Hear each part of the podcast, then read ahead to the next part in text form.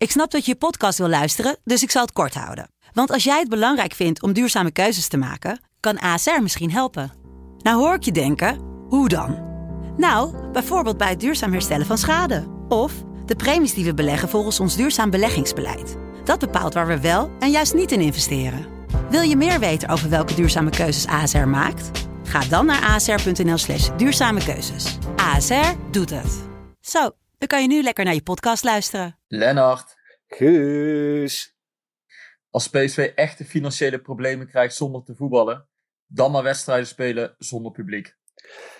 Ja, nou ja, ik ben sowieso al bang dat er veel te veel clubs in de problemen komen. En laten we alles aan doen om de schade zo goed als mogelijk te beperken. Ook al lijkt me wedstrijden in een leeg Philips Stadion een horrorfilm. Bishop, come on, Bishop. Everybody say, come Bishop. Come on, Bishop. Okay, okay, come on, Bishop. Come on, Bishop. Okay, okay, come on, Bishop. Come on, Bishop.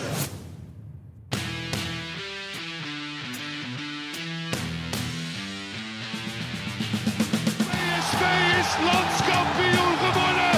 Het is niet te geloven. Het is niet te geloven.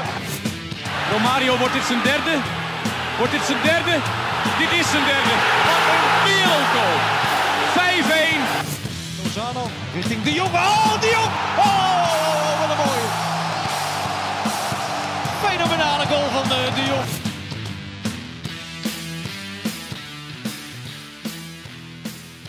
Welkom bij de 30ste PSV-podcast. Nog steeds is het niet duidelijk of en wanneer er weer gevoetbald gaat worden. Maar er valt nog altijd genoeg te bespreken. Zeker als we een hele, hele, hele bijzondere gast hebben vandaag. Ja, we wilden hem natuurlijk al heel lang in de show, hè Guus? Ja, we hebben ons, eh, we hebben ons best gedaan. Ja, en het is gelukt. Ja, we nemen deze podcast natuurlijk eh, zoals altijd nog steeds vanuit huis op. Dus eh, onze gast zit nu ook thuis te wachten, hoop ik, op ons belletje. Laten we hem snel gaan bellen, toch Guus? Ja, laten we dat doen.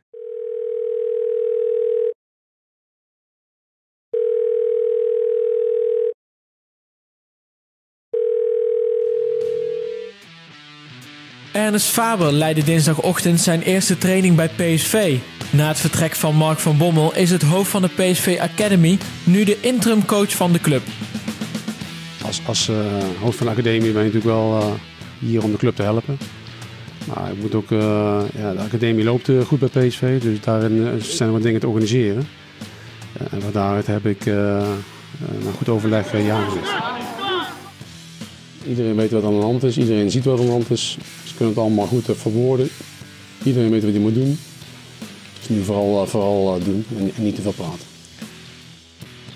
Ja, goed, als, als elke andere PSV natuurlijk, die hoopt dat het, dat het goed gaat, dat er successen komen, dat, die, dat er eh, wedstrijden gewonnen zouden worden.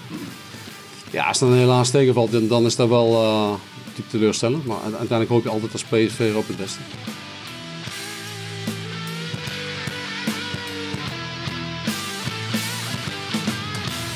Yes, Ernest, welkom bij de PSV-podcast. Leuk dat je te gast wilt zijn. Eh, waar zit jij op dit moment eigenlijk? Zit jij thuis? Ehm, Eh, op dit moment zit ik eh, op, op de op de Academy. Lek- lekker rustig, er is eh, niks te doen. Alles is dicht. Dus ik kan rustig en vrij uitpraten. top. En ben je eigenlijk wel eens te gast geweest in een podcast? Of luister je wel eens naar een podcast? Of was je er nog niet heel bekend Ehm, mee? Ik heb er wel eens naar geluisterd. Ja, weet je wel, die, die, die nieuwsberichten kun je ook wel eens beluisteren. Maar ik weet niet Ja. of dat echt een podcast is. En ik betrap mezelf door dat ik als ik eh, contact met de spelers heb, dat voor mij het inspreken, voiceberichten makkelijker is op WhatsApp dan eh, hele teksten schrijven. nou, ook mooi. heel Dus dit is je Dus eerste keer in een podcast in ieder geval. Eerste keer, ja. Eerste keer. Nou, Zeker. welkom. Ja, waar gaan we het vandaag allemaal Dank je. over hebben? Natuurlijk bespreken we eh, jouw functie als, eh als hoofdjeugdopleiding. De plotselinge overstap naar het eerste elftal. eh, de roerige en mindere weken die daarop volgden. Iets wat natuurlijk al wel een eeuwigheid geleden lijkt. Maar laten we beginnen bij het begin. De huidige coronacrisis. We kunnen er niet omheen. Hoe zien jouw dagen er nu uit? Nou ja, ik probeer mijn dagen een beetje uit te laten zien zoals die normaal waren. Dus ik sta meestal op tussen half zeven en zeven. Nou, dan ging je voorheen eh, eh, snel ontbijten en naar de hersenen. Toen nu eh, ga ik dan eh, zoveel mogelijk fietsen of andere sporten doen. Dan hebben we meestal een videocall vanuit of het eerste of vanuit zeg maar de academie. Nou, tussendoor kunnen, kan ik wat, wat andere werkzaamheden doen of, of wat, wat boodschappen. Daarna eindmiddag ga ik nog een, keer, nog een keer fietsen. Het zijn met mijn vrouw, het zijn wandelen met de hond. En dan s'avonds hebben we meestal nog wat afspraken. Een enkele keer kom ik ook nog wel de heftig als ik, als ik echt een afspraak heb die, uh, waar ik bij materiaal nodig heb, die alleen hier op de Academy uh, aanwezig is. Oh, ja. ja. en dan ben ik al bijna in de avonturen en dan, dan naar goed eten. Dan, dan, dan nog meestal uh, wat fietsen of, of wat andere werkzaamheden doen. Er zit voor mij de dag alweer bijna op. Ja, je zegt videocalls met, met het eerste ook, Ernest. Is dat ook met de spelers erbij? Of hoe onderhoud je contact met hen? Nou, we spelen ze vooral via de WhatsApp en dan uh, zij bellen. Het is heel individueel gericht. De ene wil, wil je spreken, de andere wil je zien. Dus dat is heel divers. We maken gebruik van alle, alle mediatypes. Uh, vooral met, met, met videocalls, dus vooral met, uh, met stafleden. Dat soort. vooral vanuit de ja. Academy hebben we een MT waarin we dan elke week vergadering hebben. Nou, af en toe met de trainers waarin je soms elkaar alleen wat horen, maar soms elkaar ook gewoon even wil zien. Ja. Dus alle, alle mediatypen komen daarin uh, aan bod. Ben je, nou, uh, ben je nou een coach die er in dit soort tijden juist heel erg bovenop zit of de spelers wat meer vrijheid geeft? Nee, ik probeer het meer aan de situatie aan te passen. Kijk, de corona naar Groningen viel in één keer uh, rauw op ons dak. alles was in één keer afgelast en lag stil. nou, dan, dan heb je dan heel erg intensief contact om iedereen daarin een route aan te geven. Nou, iedereen vindt daarin zijn weg wel. Je ziet nu een beetje gebeuren dat het volhouden volhouden wordt voor iedereen steeds moeilijker. Hè. We zijn nu uh, ruim een maand verder en, en, en daarin probeer je nu weer wat extra aandacht te geven op bepaalde manieren. Maar het is hetzelfde als met coachen. Iedereen moet op, bijna op een andere manier gecoacht worden, aangestuurd worden. Doe je in dit, dit soort gevallen doe je dat ook. Um, maar voor mij is het vooral in het begin even vrijheid, even kijken of, of dat bij de speler of de trainer of collega zelf opgelost kan worden. En vandaar weer dan uh, redelijk wat maatregelen te leven. Hm. Ja, nu, nu zeg je het, het is zwaar om het vol te houden. Uh, trainers die hebben het vaak over een groepsproces, hè? over het groepsgevoel gedurende het seizoen. Nou ja, volgens mij is dat heel moeilijk om dat in deze periode vast te houden, toch? Of ben je daar als, als trainer nog mee bezig, dat gevoel vast te houden? Nou ja, je probeert natuurlijk op het moment dat het uh, wegvalt vanuit de laatste wedstrijd, wil je dat uh, te verlengen. Alleen gaat het op een andere manier nou, je hebt natuurlijk een aantal ervaren spelers, een eh, aantal uh, ja, ja, virtuele aanvoerders die we hadden natuurlijk uh, in, in de groep. Nou, spelers onderling hebben redelijk veel contact. vanuit de groepsapp groepsafspraken Ga, gaat dat goed. Het is ook niet zo, zo dat jongens elkaar dagelijks plat bellen. Integendeel, iedereen vindt zijn eigen route en daarin ja, creëren we een mogelijkheid om donderdag en vrijdag even naar de echtgang te komen waarin we wat kunnen doen in zeg maar revalidatievorm. Hm. Um, en daarin probeer je wat connecties te leggen met elkaar. Maar verwacht jij ook van, die, uh, van die leiders dat zij uh, die rol uh, ook in dit soort tijden juist heel erg op zich nemen? Of, of is dat een, een natuurlijk proces? Ja, ik hoef niet zoveel op te leggen. Dat gaat allemaal op een natuurlijke manier. De ene wil altijd contact hebben, de ander wat meer op zichzelf. Uiteindelijk zie je ook bij topsporters dat het eigenlijk wel individuele spelers zijn. Uh, en die op, op dat duur uh, elkaar toch wel opzoeken zoals zij ook uh, normaal doen in, in, in, het seizoen als het gewoon doorloopt. Dan hoef je niet extra te stimuleren. Het is meer dat je een wat meer moet ondersteunen. En, en het contact blijft toch wel. Ja. Er zijn alleen wat, wat iedereen natuurlijk heeft. iedereen hunkert naar zeg maar volgende week dinsdag. Waarin premier Rutte eigenlijk een beetje duidelijker moet geven waar we dan heen gaan. Ja, ja want de maar spelers hebben nu, dacht ik, vakantie toch? Nou, ze hebben gewoon een, uh, een weekschema die ze krijgen opgestuurd. Dat, dat doen ze allemaal goed. Uh, de, de, spelers die af en toe hier komen om uh, wat soort dingen te, te, kunnen laten testen, te meten, die zijn allemaal heel erg goed op conditie. Dus dat, dat is goed. Ze houden het ook goed vol. De schema's zijn goed te doen en, en zelf zijn ze nog fitter dan een schema het mag. Ja. dus we houden ze gewoon daarin fit, gedurende we meer zekerheid krijgen vanuit de regering wat er eh, gaat gebeuren eh, richting eh, de komende maanden. Ja, dat is natuurlijk vooral op een fiets zitten. maar hoe zit dat dan bijvoorbeeld met de bal? Nou ja, het is natuurlijk uh, individueel gericht. ze hebben van onze fiets gekregen, ze hebben wat apparatuur gekregen om, om zeg maar, het fitnessgedeelte thuis voor elkaar te hebben. Nou, het lopen zullen ze toch buiten moeten doen, wel op de manier zoals het voorgeschreven is. Ja, en daarin zullen ze ook af en toe een bal mee moeten nemen om dat balgevoel uh, ja, gedeelte te, te, gaan onderhouden. Je kunt het nooit nabootsen zoals hier. Hè. Is vooral een contactsport en straks is het vooral de bal, balbehandeling onder weerstand wat, wat heel erg belangrijk is. Nou ja, het is vooral nabootsen een beetje vanuit de virtuele uh, inlevingswereld jezelf zien uh, voor te bereiden. Hm. Ja. Nu bracht PSV vorige week of anderhalf week geleden alweer een statement naar buiten dat zij niet willen dat de competitie nog uitgespeeld wordt. Sta jij daar hetzelfde in, Ernest? Hoop jij ook dat het eigenlijk einde seizoen is? Nou ja, goed, het is, zoals uh, ook zegt, hè, het gaat natuurlijk om uh, de gezondheid, is natuurlijk uh, allereerst het belangrijkste. Nou, laten we eerst dat maar snel op orde krijgen. Um, nou, dus vooruit, vooruitzichten, vooruitzichten zoals het nu gaat zijn, gaat het toch wat langer duren dan gewenst. Hè? Ja. De zorg moet steeds ontlast worden. Nou ja, als dat prioriteit één is, dan, dan is het misschien wel verstandig om gewoon te zeggen, nou ja, zorgen dat we het nu afronden en zorgen dat we straks op tijd kunnen starten op een goede manier waarin we een bepaalde buffer hebben om te zorgen dat we, als het weer zoiets gebeurt in het nieuwe seizoen, dat we daar een voldoende marge hebben om het seizoen wel uit te kunnen spelen met publiek. Ja. Um, dat zat ik er uh, achter, uh, zoals PSV dat voorstelt. Um, hoe, is het contact met, hoe is het contact met andere trainers binnen de Eredivisie? Heb je daar contact mee? Spreek je daarmee? Nee, ik heb, ik heb wat, wat contact uh, gehad met, met uh, assistenttrainers van Groningen die ik nou, die tijd nog ken. Nou, en, en daarin hebben wij allemaal dezelfde gedachten. Het gaat toch vooral om duidelijkheid. Iedereen wil duidelijk hebben waar, waar je aan toe bent. En we kunnen elkaar best wel stand-by houden, dat is het probleem niet. Iedereen kan wel redelijk op conditie blijven. Maar je hebt ook weer een aardige voorbereidingsperiode nodig om, om te kunnen spelen zoals, we, zoals iedereen graag wil spelen. Ja, Uiteindelijk is het ook bedoeld natuurlijk om uh, te spelen voor de supporters. Ja. Nou, als die er al niet bij kunnen zijn, ja, dan heb je al een hele andere situatie en, en, en uh, beleving. Um, ja, misschien moet het gewoon verstandig zijn, zoals ook PSV voorstelt, maar eigenlijk nog een beetje hoort bij de minister. Eerst zorgen dat we de gezondheid op orde hebben. Zorgen dat we straks voorbereid zijn op een nieuwe manier van, van uh, zoals met corona. Dat we daar ieder geval bestand tegen zijn. En dat we dan de competitie wel kunnen gaan uitspelen. En nu is het uitstellen, uitstellen, uitstellen. Het is gewoon belangrijk dat je keuze maakt. En daarin heeft PSV een, een goed advies gegeven, nou ja, vind ik. Zolang de burgemeester uh, uh, zijn post houdt, dan wordt er sowieso niet gevoetbald in Eindhoven. Hè? Dus... Nee, ja goed, iedereen kent, kent de, regels, iedereen kent de burgemeester. Nou, ja, uiteindelijk is het ook vorige keer ja, heeft de burgemeester het ook afgelast. Maar goed, het is vooral belangrijk natuurlijk, uh, het gaat eigenlijk niet zozeer om voetbal, alhoewel voetbal natuurlijk een ongelooflijk bindmiddel is in, uh, in, in, dit soort situaties waarin uh, de, de, volledige druk op staat bij iedereen in de samenleving. Ja. Maar, maar, maar is natuurlijk de gezondheid van iedereen absoluut de prioriteit nummer één en de rest is maar bijzaak. Inderdaad, dus wat leren wij uit de coronacrisis? Wat je straks misschien nog meeneemt zelfs het veld op?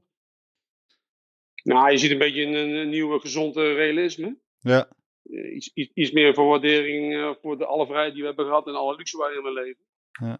Uh, en nu word je geconfronteerd met ja, andere normen, waarden, andere wetten. wetten waarin ja, je eigenlijk een virtuele vijand hebt die je niet eens ziet. Ja. waarin, dus, ja, waarin dus blijkt dat, dat gezondheid natuurlijk onbetaalbaar is. Ja. En, en ook een kwetsbaar iets is. Precies.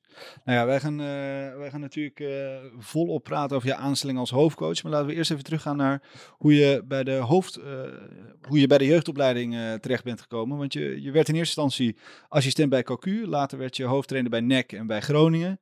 Voordat je in 2018 terugkeerde op de hertgang als hoofdjeugdopleiding. En wij vroegen ons dan af, waarom koos je ervoor om als hoofdjeugdopleiding aan de slag te gaan... terwijl je net aan je carrière als hoofdcoach begon? Nou, dat is, wel een uh, goede vraag. Um, ja, ik, ik, had een mooie en leerzame periode bij Groningen afgesloten. Daar, daarin, uh, in die uh, laatste periode, laatste jaar, was er ook wat belangstelling vanuit, vanuit het buitenland. Ben ik ook geweest. Nou, uiteindelijk besloot ik naar Groningen. Nou, um, mooie tijd om, om daarin vooral de aandacht naar het buitenland te richten als, als hoofdtrainer. Als daar de mogelijkheid voor zich toedienen. Ja. er was wat belangstelling vanuit Mexico, wat andere landen. En dan had ik toen besloten, nou, ik, ik heb de tijd, ik wacht even. Uh, en rond de winterstop zou daar wel uh, verdere concrete belangstellingen en uh, aanbiedingen uitkomen. Nou, in de tussentijd gebeurde wel alles bij PSV. Philip ging weg. Mark werd hoofdtrainer en, en de hoofdopleiding ging weg. Uiteindelijk belde mij Toon in de vakantie op om om te vragen en te polsen of, of ik eh, beschikbaar was voor PSV en, en, die eh, rol en functie. Nou, in eerste instantie niet, niet eh, dat ik zeg van nou, ik kom gelijk terug. Nou, ik denk er een week over na. Ik was toch in, eh, in, eh, Spanje op vakantie om daarin eh, ja, eh, verder te kijken richting de toekomst. Uiteindelijk thuis besproken. Ik moest toevallig in, de- vakantie naar huis om eh, mijn dochter te afstuderen aan de hogeschool in Den Bosch. Dus ik eh gesprek met Toon gehad. Uiteindelijk hebben ze me zo enthousiast gemaakt. Niet alleen natuurlijk over het voetbalgedeelte, maar ook eh, voor, vooral voor de lange termijn. Ehm, en het verhaal wat PV had vanuit de Academy. Om daarin door te groeien met de complex, met de, de investeringen in de jeugd. Ehm, voor mij een bepaalde doorgroeien in, in managementfaciliteiten. maar vooral om eh, ja, hoe ik de, de, de vrijheid kreeg om de academie in te vullen en uit te voeren. Maar de- als ik het goed begrijp, zat jij dus eigenlijk al met je hoofd eh, ergens in het zonnige Mexico eh, samen met je vrouw. Nou, laat ik hier zo zeggen, eh avontuur in het buitenland. Dat zat ik al van mijn hoofdje. Ja, ja. Maar goed, de Toon heeft het goed gedaan en eh, wat oud-spelers om mij zo enthousiast te maken. Eh, om, om, en dat hebben ze natuurlijk ook goed gedaan, omdat ik zelf natuurlijk in de opleiding heb gezeten. Ja. Toch is iemand voor, voor con- continuïteit en vooral voor mij de manier om, om in alle vrijheid het uit te kunnen voeren. En van daaruit ook ja, een beetje de managersrol te kunnen in te vullen. Ja. Met, met, met eh, de opleiding daaromheen eh horend. Maar schrijf je dan ook een heel nieuw plan, Ernest, als je, als je hoofdjeugdopleiding wordt? Of eh, stroom je dan eigenlijk in in de, in de bestaande plannen die er al, eh, die er al lagen bij de jeugdopleiding? Nee, dat is natuurlijk in tijden van Marcel Brands is er al een, een kentering in geweest eh, om, om dat anders uit te gaan voeren. Uh, heeft, heeft Acht Langelen ook een eh, groot gedeelte aan meegewerkt. Dus alle vorige hoofdopleidingen van die periode waar ik toen assistent was van Philip, bij het eerste. Ehm, die basis is, is, is gebruikt en nog steeds om dat steeds verder te ontwikkelen. Zoals de vraag om spelers te ontwikkelen, maar ook trainers. Ja, moet, moet dat plan ook steeds aangepast worden aan de nieuwe normen die heersen in eh, moderne Ja. voetbal. Maar, maar wat, wat is jouw sausje dan, die jij er de afgelopen jaren overheen hebt gegooid? Afgelopen twee jaar? Nou, we hebben, wat meer gekaderd in zeg maar, ontwikkelingspijlers, waarin we dan eh, vanuit een MT-managementteam de, de opleiding aansturen, waarin we echt werken met absolute specialisten. Nou, we hebben prestatiegedrag eh eraan gekoppeld, waarin wij gewoon verwachten wat, wat spelers moeten laten zien op het veld, maar ook eromheen. Ehm, en, en heb ik de, de begeleiding samen met alle specialisten nog intensiever gemaakt. Om, om nog beter de spelers te kunnen voorzien en voor te bereiden op doorstroom naar één. Uh, dus, dus meer trainen, meer instuur, uh, tijd, tijd erin steken, maar ook gewoon vanuit echte absolute specialisme. Die ik als, als toch wel redelijk goede allrounder probeer uh, samen te smeden tot een één geheel. samenwerken wat ook dan de spelers moeten doen als individuele spelers die ja, een eigen pad moeten gaan bewandelen om daarin het eerste te gaan bereiken. Is dat, ook, uh, is dat ook iets wat je zelf hebt meegenomen uit je, uit je eigen ervaringen als speler? Zijn dit dingen die je, die je gemist hebt? Nou, gemist heb ik niet. Dus, dus kijk, het is terecht wat je zegt. Hè. Je neemt je, al je ervaringen als eigen speler mee en je probeert ze ja, te transformeren tot deze tijd. Nou ja, uh, vooral het prestatiegedrag hè, en, en een bepaalde prestatiecontext van, uh, van deze tijd. Ja, ja, kun je spelers er heel goed in uh, begeleiden om, om uh, nou ja, het gaat natuurlijk altijd om uh, dat je er alles voor over hebt. Dat je super concentratie moet hebben, dat je vooral de discipline moet hebben. Bepaalde onbestoorbaarheid moet je hebben, maar, maar als je geen plezier hebt en je hebt nooit de winnende houding, zul je het nooit gaan halen. Nou, daarom probeer ik vooral de ervaring van oud-spelers, topspelers die we in de opleiding hebben in de academie. En vooral het combineren, maar een mooie mix te maken van jongens van de universiteit, van de, van de, de nieuwe generatie trainers, maar ook vooral specialisten op mentaal gebied, cognitief gebied. Om daar een mooi modern programma voor te maken waarin je twee werelden bij elkaar brengt. Maar en de spelers is, absoluut ja. voorbereid op wat we niet meer willen zoals bij het eerst gebeurd is. Ja. Nee, maar het is er niks meer te vergelijken, denk ik, met jouw eigen tijd uit de jeugd. Hè? Ik bedoel, uh, je, je praat nee. nu over universiteit die meewerkt, over specialisten. Uh, toen had je volgens mij gewoon nog een, uh, een jeugdtrainer en misschien een assistent. dat was wel, hè? Nou, ik had u Stevens als uh, hoofdopleidingen. Uh, nou, daar heb je wel een goede meteen. Ja, in ieder geval discipline en concentratie nodig. En alles voor, je moest er alles voor over hebben, het viel al half. Um, maar dan had je, had je vijf man met, met Van Balen, Van de Kuilen, Van Kraai, Stevens. Moest je eigen broekje en shirtje nog kopen en schoenen ook nog. Zo. Uh, eigen trainingspak moest je meenemen, alles moest je zelf wassen. Eh, maar ja, je, je moest daar wel eh, meer voor doen dan, dan in deze tijd al wel. De tijd is natuurlijk veranderd, is de tijd van de afleiding. Eh, Vroeger ging je vier schoenen, ging je voetbalschoenen kopen. Ja, ja, je hebt maar vier merken en maar één kleur. Ja. Nu heb je 400 merken met 600 kleuren. Voordat je die keuze gemaakt hebt, ja, is, de, is de keuzestress al vele malen hoger dan eh, in onze tijd. Nou ja, laat, laat staan dat. In deze wereld van afleiding, social media, Ja. ja, is het ook gewenst dat spelers nog beter worden voorbereid om daarin eh, onverstoorbaar te blijven en de juiste keuzes te maken. Maar kunnen we jou dan een beetje zien als, eh, als een nieuwe Huub Stevens qua mentaliteit? Ben jij, eh, k- k- Qua inborststeken, ja. Inborststeken, ja, ja. Maar dan in een moderne jasje. Ja. Nee, maar even, even, serieus. Ben je, ben je tevreden over wat er eh, de afgelopen anderhalf jaar of twee jaar... wat je hebt neergezet bij de jeugdopleiding? Want we gaan zo dan naar, eh, naar het eerste elftal. Maar ja, je bent eigenlijk in eerste instantie aangenomen als hoofdjeugdopleiding. Nou ja, goed, eh, wat, wat, wat ik zie is dat we, eh, de, manier van denken is, is eh, dus daar goed veranderd. Ben, daar ben ik, tot nu toe liggen we daar op schema. Ik ben nooit echt helemaal tevreden. Ik ben pas tevreden als, als we zeggen, nou ja, we hebben al, heel, heel het eerste elftal bestaat uit eigen, eigen spelers vanuit de academie. Dat doen we heel erg goed. En dat we zelfs nog een wachtlijst hebben bij de academie van spelers die willen komen. Eh, maar ik denk dat we vooral op de goede weg zijn, de manier van denken, om, om eh, daarin eh, een bepaalde cultuur te ontwikkelen, waarin jongens graag naar ons willen komen. Om, om gebruik te maken van alle faciliteiten die we hebben. En dat ze een bepaalde dankbaarheid tonen. En dat geldt niet alleen voor spelers, maar ook voor trainers, iedereen die hier werkt. Om dus aan te zorgen dat we maximaal aantal spelers afleveren. en, eh, en hoe zit dat eh, met, eh, met eh, dat herenakkoord? Daar hoor je natuurlijk best ja, wel vaak over. Ja, want je zegt net, inderdaad, ik hoor je zeggen van eh, spelers willen graag naar ons komen. Eh, is dat zo makkelijk? Nou ja, kijk, herenakkoord is altijd een mooi woord. Ehm, we gaan inderdaad met heren als elkaar, met elkaar om. We hebben veel contact met elkaar. Maar je weet, eh, in elk akkoord zijn altijd weer regels waarin dingen worden omzeild. Ehm, natuurlijk gaan we niet bewust achter elkaar spelers aan, maar tegenwoordig worden jonge spelers al begeleid door eh, agenten, zaakwaarnemers, zeg maar hoe je het wilt noemen. Ja. En daarin zit natuurlijk ook eh, ja, wat de speler zelf wil. Eh, nou, dat is op een bepaalde manier beschermd met poolvergoedingen en opleidingsvergoedingen. Nou, dat zijn tegenwoordig aardig bedragen. Dus dat is allemaal wel redelijk afgeschermd. En uiteindelijk beseft ook iedereen wel dat je elkaar nodig hebt. Zeker in deze tijd om, ja, je kunt niet zonder elkaar om, om een goede opleiding te krijgen. Ook de concurrentie is belangrijk om elkaar scherp te houden. Hm. Eh, en daarin eh, zit een goede samenwerking. Ja. Ja, of je nou een heerakkoord wil noemen, ja of nee. Ja. Ja. Een echt Sommige spelers willen toch naar ons toe. En sommige spelers wou ook weer net weg. zeggen. eh, nou. En sommige spelers willen jullie ook wel gewoon heel graag hebben, hè? Nou ja, je, je ziet eh, spelers van ons, eh, die willen eh, misschien naar andere clubs dat kan. Maar wij willen ook spelers van andere clubs hebben. Het is gewoon dat we eerlijk zijn met de hoofdopleiding. We bellen gewoon op. En we zeggen dat we interesse hebben. eh, en die openheid en eerlijkheid, nou, die is er zeker. Ja. En, en er worden tegenwoordig bepaalde vergoedingen bij. Nou ja, die zijn stukken hoger geworden de laatste tijd. Hm.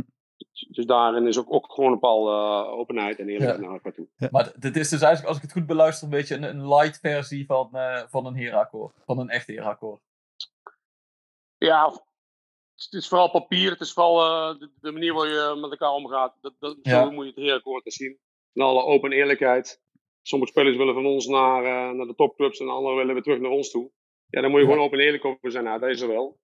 Ehm, maar echt, echt eh, formeel eh, van, el- van elkaar spelers weghalen, dat is er zeker niet meer bij. Oké. Hey, maar eh, Ernest, even terug naar... eh, jij zat in eerste instantie met je hoofd bij Mexico, lekker in dat zonnetje. Toen werd het toch in één keer eh, de hoofdjeugdopleiding. en terwijl je alles bij de jeugdopleiding op alles op rolletjes had, belandde het eerste elftal ondertussen in een steeds dieper, dieper dal. En hoe heb jij dat meegemaakt? En wordt er dan ook met jou over de situatie gesproken?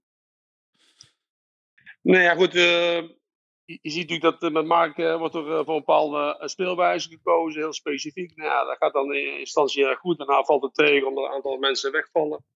En, dan wordt het eigenlijk steeds minder qua resultaat. Nou, dan, dan proef je in de club ook wel dat er, ja, dat, is, dat er steeds meer druk op komt te staan. Dat er steeds meer stress aanwezig is. eh, zeker resultaten uitvallen. Nou ja, dan word ik in één keer nog uit, uit, eh, uit de bus gehaald eh, op, op de maandag toen ik met de Jong PSV naar de Premier League wedstrijden zou gaan kijken. Omdat Mark dan verloor met, met het eerste nog Feyenoord. Ja, da- dan verandert eh, in een half minuut heel de wereld om je heen. Ja. En Maar dan heb moet je het eerst gaan helpen om daarin eh, ja, de crisis te zien eh, te bezweren. Heel even één stap terug. En als je zegt, op een gegeven moment voel je inderdaad door heel de club dat, dat, het, dat er wat druk ontstaat. Uh, maar wo word jij daarin gehoord als hoofdjeugdopleiding? Of zijn dat, is dan het eerste elftal en de jeugdopleiding echt twee gescheiden werelden? Nee, want ik ben uiteindelijk, uh, ik hoor dus een groot wereld, dus het is meer van, uh, je, je, je voelt dingen. Uh, niet zozeer binnen de club, iedereen wil dat het goed gaat met de één. Dus dat is het probleem niet. En ja. staat klaar om te helpen. Alleen ja, de, de druk van de buitenwereld en de, wordt, wordt dusdanig groot dat iedereen zit te kijken, ja, hoe kunnen we nou zorgen dat de, het resultaat er weer komt. Ja. daar praat je gewoon met elkaar over, maar om, om elkaar te zeggen van, nou, je wordt er echt in gekend, dat is, dat is een groot woord. Hm. Nee, en, en je zei, uh, ik zat in de bus met de Jong PSV op weg naar Premier League wedstrijden toen ik uit die bus werd gehaald. Ja. Kun je daar iets meer over vertellen? Dat was de maandag dat Van Bommel werd ontslagen? Nou ja, we zouden met uh, de, de, de belofte doen mee aan de Premier League wedstrijden. Da daar in, ja, is een mooi toernooi. Maar waren we eigenlijk maandag op weg om daar uh, in Engeland weer een wedstrijd te spelen. En toen kregen we door dat Mark ontslagen was. En, en, en dat er, ja, een dag later iemand voor de groep moest zou, gaan staan. uiteindelijk uh, kwam Thijs Slegers uh, mij uit de bus halen om te zeggen, nou, blijf stand-by, want het kan goed zijn dat je daarin nodig bent. Nou, uiteindelijk is het zo gegaan en dan stond ik een dag later voor, voor de spelersgroep. Maar had je tot dat moment nog helemaal niks gehoord van, van de directie? Van je wordt eventueel willen weer doorschuiven of als interim inzetten? Was het het eerste moment dat je er iets van meekreeg van Thijs? Ja, ja. Dus je zag je aanstelling niet aankomen? nou ja, ik heb niet verwacht dat, dat uh, Mark uh, ontslagen zou worden. Dus anders had ik niet in die bus gaan zitten. Anders was, was ik ja. gewoon op de gebleven om iets anders te doen. Ja. Dus uh, dat, kwam, dat kwam als een, een verrassing. Ja. Aan de kant is mijn taak ook als academiehoofd. Zeker omdat ik de papier heb om daarin de club te faciliteren indien het nodig is. En vooral gewenst. En uiteindelijk is dat zo, zo gegaan. En met wie is maar denk je dan, denk je dan op, denk je dan op zo'n moment uh, oh, spannend, uh, dit ga ik doen. Of van, oeh, nou moet ik mijn werk laten vallen bij, bij de jeugdopleiding. Wat, wat schiet op zo'n moment door je heen? Nee, ja, twee leden is natuurlijk één, je bent niet blij dat het gebeurt, omdat, ja, natuurlijk een, een, niet, niet positief voor een club dat je helaas afscheid moet nemen van een trainer. dat, lijkt natuurlijk logisch en ja, ik had het natuurlijk goed naar mijn zin bij de academie en nou ja, lang intensief werken loopt het. En, en ja, is de vorm zoals je graag ziet en, zit daar een, zat daar een mooie versnelling, ja, dan moet je dat heel snel uit handen geven. Hm. Dus het is een beetje twee, uh, tweeledig. Aan de ene kant, ja, oké, okay, je bent er voor de club om te helpen. En in dat, dat soort situaties, er zijn geen pretje bij het eerste zoals je die moet overnemen. Want de druk en de stress staat er volop. Ja. Uh, maar goed, het gaat allemaal een split second. En, uh, en is mijn taak ook om, om de club te, daarin te ondersteunen, daar waar nodig is. En moet je daar ook niet te veel over nadenken, maar gewoon uh, klaarstaan als het nodig is. Maar heb, had, je, had je toen ook... Ja, je hebt natuurlijk de verplichting naar de jeugdtrainers. Jij als hoofd jeugdopleiding. Uh, met wie overleg jij sowieso of je dat moet doen? Heb je, ben je dan ook bijvoorbeeld met je vrouw... naar wie luister je op, op zo'n moment? En wat is dan het gevoel om het uiteindelijk wel te doen... buiten het feit dat je natuurlijk de club wil helpen? Nee, het eens overleg is dat je met, met Tony John hebt van hoe, wat de situatie precies en wat is er aan de hand en, en, en wat, verwacht je eventueel? Wat, wat zijn eventueel de opties? En voor de rest is er weinig overleg. Ik thuis niet overleggen. Nee. Eén, omdat ze, nou ja, goed, ze staan wel overal overleg, maar uiteindelijk uh, ben ik toch eigenwijs dat ik toch mijn dingen doe. en, en, ze, en, ze volgen mij erin, want ze kennen me wel, dus daar ben ik ze wel dankbaar voor. Aan de andere kant is het, uh, ja, die staat dan uh, volledig de druk erop. Ja. Het is een beetje een noodsituatie om alles te redden wat te redden valt. Nou ja, dan is snel doorschakelen, overleggen. En, en te kijken dat je in ieder geval uh, door kunt gaan. Uh, toen was het tot einde winterstop. Want het is natuurlijk wel een hele moeilijke functie uh, op dat moment. Ja, en, er ligt ja, zoveel ja. druk op. Ja, heb je überhaupt getwijfeld inderdaad om, om ja te zeggen? Of was dat voor jou geen discussie? Ja, natuurlijk is het twijfel. Omdat ik, ik, ik had het goed naar mijn zin hier. Een bewuste keuze gemaakt van hoofdtrainer in een andere rol. Andere, meer managersfunctie. En dan uh, van de rol van opleider en zorgen dat daarin uh, perfectie komt te liggen. Ja, heb ik uh, bewust gekozen, geïnvesteerd zeven dagen in de week. En, en dan ja, heb ik uiteindelijk het gevoel dat ik van, hé, hey, het bevalt me eigenlijk beter dan ik verwacht had. En ik mis het trainerschap minder dan ik verwacht had. Ja. ja, dan word je in één keer weer uitgehaald. Nou ja, goed, dan, dan is de clubliefde denk ik groter dan, dan mijn eigen belang. En dan heb ik voor de club gekozen om ons daarin te helpen. Ja. Het, het onderschrijft wel wat wij al vaker hebben besproken, Lennart. eh, dat we zeiden, ja, was er een plan B na het ontslag van Van Bommel? Nou ja, weet je, Ernest, jij zegt ook, ik werd uit het niets eigenlijk uit die bus gehaald. Dus dan zie je hoe precair die situatie was en dat er echt nood aan de man was. Dat er gewoon alle minuut iets moest gebeuren. Nou ja, plan A, plan B. Kijk, uiteindelijk is het natuurlijk. eh, ehm, Ja, je hoopt natuurlijk dat het plan zo lang mogelijk maar doorgaat met Mark, bedoel jij? wat zei je? Jij je wilt natuurlijk zeggen, je hoopt natuurlijk dat je plan A is in principe gewoon eh, zo lang mogelijk door met Mark. Ja, natuurlijk, omdat je bent eh, een trainer uit de eigen academie die doorgeschoven is. Eh, bij- bij- bij Philip ben ik zelf bij geweest. Hebben ook minder periodes gehad. En uiteindelijk is dat weer goed gekomen. Nou, dat, dat hoop je altijd op. En je gaat ook vanuit dat dat, dat ja, ook een herhaling van zet is vanuit het verleden. Nou, als het dan helaas door omstandigheden niet lukt, ja, dat is natuurlijk Ja. is, is, is geen reclame voor de club. Alleen, ja, het topplus is het vooral ook zo dat je dan, eh, je krijgt er geen tijd om te rouwen, want het gaat allemaal zo snel. En je moet zo snel weer klaarstaan voor de volgende wedstrijd. Dus het eh, vooral, eh, nou, ja, wat was er gebeurd, de situatie. En zorgen dat je een, beschikbare mensen in je, in je club paraat hebt om te zorgen dat die val doorgaat. Ja, want hoe selecteer je Ja. die staf dan? Die, met wie je gaat samenwerken? Nee, het is gewoon heel snel kijken wat, wat, nou, wat, wat eh, zou er nou blijven vanuit, eh vanuit het ontslag van Mark. Wie zou er allemaal eh, meegaan? Daar was, eh, toen, was ik toen niet van op de hoogte. Uiteindelijk is het pas die dag gebleken of die allemaal eventueel zouden, zouden doorgaan bij het eerste. Ja, dan ga je kijken waar, eh, wat, wat, je graag bij je hebt. En, nou, is, is Boudewijn gebleven, Ruud. En, en hebben we daar een deal bij gehaald als ja, aanvulling op zoals ik zelf ben. Mooi. Heb je nog veel contact eh, gehad met eh, de jeugdopleiding toen je eh, hoofdcoach werd? In het begin even wel, om, om daarin ook uh, naar richting Roy. Nee, richting Roy is voor mij daarin overgenomen met, met de mensen daar, met het NT-managementteam. Ja. Vooral mij even ter ondersteuning, maar ik, ik wil eerlijk bekennen dat het, ja, die situatie waar ik ben één ben gestart bij het eerste, heb ik dusdanig veel tijd nodig gehad om te zorgen dat het, het tij zou gekeerd worden. Want ja, op het moment dat een crisis opstaat je niet meer wint, is er natuurlijk van alles aan de hand. En, en werkt er niemand meer samen. Ja. Juist tegenovergesteld waarin iedereen dan uh, verwijtend uh, naar elkaar aan het coachen is en praat is, ja. ja. Dan is daar uh, lange fase 1 en heb ik alle, alle energie en tijd nodig gehad om samen met mijn staf dat tijd te keren. Ja. En toen werd je 's ochtends wakker en was je ineens hoofdtrainer van PSV 1. Maar voordat we daar verder over gaan praten, over de periode van Ernest als hoofdtrainer en natuurlijk de vragen van de luisteraars gaan bespreken, gaan wij eerst eens even luisteren naar onze best, beste vriend van de show. Rick, kom er maar in. Ernest Faber nam vorig jaar het roer over bij PSV. En dat was niet de eerste keer, weten natuurlijk alle PSV-supporters. Hij deed het al een keer in 2014, toen het met Philip Cocu niet goed ging. Uh, ja, die had even af te rekenen met ziekte. En Faber moest hem toen vervangen. Nou ja, en vorig jaar, uh, na het ontslag van Mark van Bommel, is Faber opnieuw uh, ja, interim coach geworden. Ja, dat was niet voorzien, maar uiteindelijk, ja, ik denk dat het uiteindelijk toch een goede keuze is geweest. Um, ja, Faber is gewoon een echte clubman van PSV. Uh, heeft al meer dan 30 jaar ervaring in allerlei posities. En ik vind eigenlijk, hè, ondanks de bekeruitschakeling, ondanks dat het in het begin even nog zoeken, passen en meten was en er ook wel wat punten verloren gingen, vind ik dat hij het niet slecht heeft gedaan. Um, ja, zeker als je kijkt de laatste wedstrijden, uh, 13 punten uit 5 uh, wedstrijden, ja, ging het eigenlijk toch wel weer crescendo met PSV. Je had het gevoel uh, dat er een serie aan zat te komen, dat het wat beter ging. Vond ook dat hij best een paar aardige ingrepen had. Waarbij bijvoorbeeld de nieuwe rol van Ryan Thomas. Die vond ik best uh, ingenieus uh, bedacht. Ja, nou ja, goed. En het lijkt erop dat hij nu zijn laatste wedstrijd voor PSV heeft gecoacht.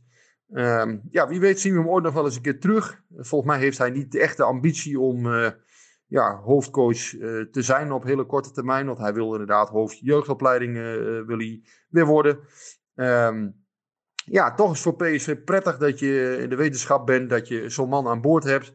Die in hele lastige tijden uh, ja, toch redelijk onomstreden zijn werk kan doen. Uh, en ja, wat ik zeg, ik vind dat Faber dat eigenlijk prima heeft gedaan. Uh, in ieder geval dit jaar. Nou ja, vorig jaar was het voor hem lastig opstarten. Ja, nu is alles anders geworden door de coronacrisis. Um, ja, en Faber gaat zich dus weer richten op die functie als hoofdjeugdopleidingen. Nou ja, ook daarvoor geldt dat hij denk ik op die post gewoon een, een zwaar gewicht is. Ehm, ja, hij heeft al behoorlijk wat eredivisie-ervaring nu. We zullen zien hoe lang, eh, hè, want bij hoofd jeugdopleiding zie je vaak hè, dat het gras op een gegeven moment toch weer eh, gaat, eh, ja, dat, dat men toch weer gras onder de voeten wil voelen. Volgens mij doet Faber dat op een manier, die post, dat hij ook heel vaak juist op het gras staat. Dus ik ehm, denk dat hij eigenlijk net als Art Langelen gewoon zijn contract gaat uitdienen bij PSV. Nou ja, en wie weet dat hij daarna nog wel een keertje wil proberen als hoofdcoach ergens. En wie weet dat hij in de toekomst ook nog wel een keer bij PSV weer opduikt. Uh, de tweede kennismaking met Faber als hoofdcoach is PSV denk ik niet slecht bevallen. Ehm, hij was verder dan de eerste keer duidelijk. Um, ja, en het is afwachten hoe zijn carrière zich gaat ontwikkelen. Ja, Rick, dankjewel voor jouw bijdrage. Wij gaan verder praten over de periode van Ernest als hoofdtrainer. Ehm, met natuurlijk een van de eerste vragen die, die dan bij je opkomt, is ja, wat voor een selectie tref je dan aan? En uh, wat ga je dan als eerste doen? Nou ja, heb je natuurlijk een selectie die teleurgesteld is. Hè? Een situatie zoals die ontstaan is. Het feit dat een trainer weg moet door resultaten en medetrainers ook. Ja, dat is natuurlijk ook, het treft natuurlijk iedereen schuld. Mm -hmm. Dus de ja, sfeer is dan slecht. veel verwijtend coachen, veel naar elkaar wijzen.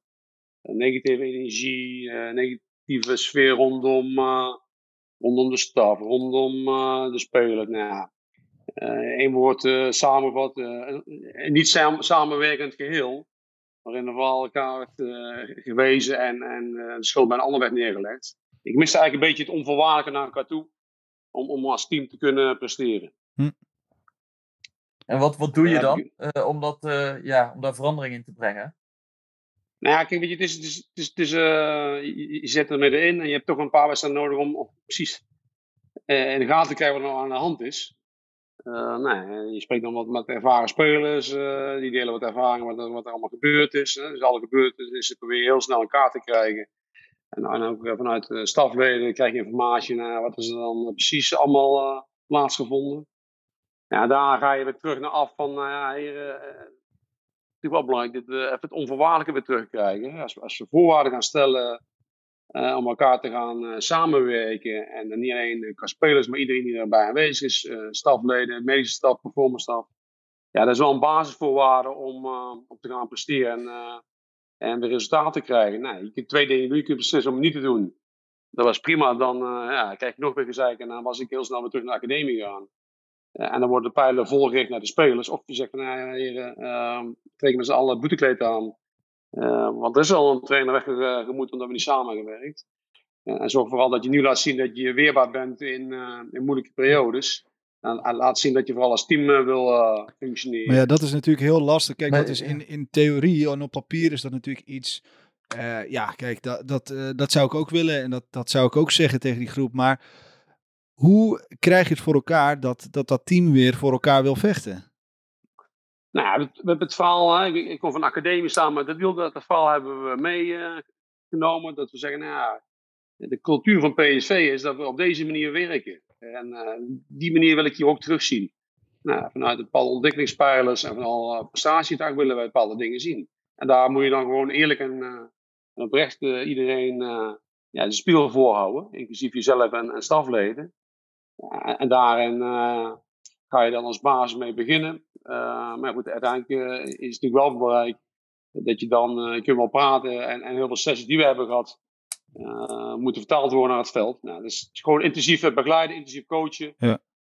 uiteindelijk is er een eikant bijgekomen, Q-zitting. En daar hebben we al onze ja, bagage die we hebben meegemaakt, vooral uit trainersperiodes.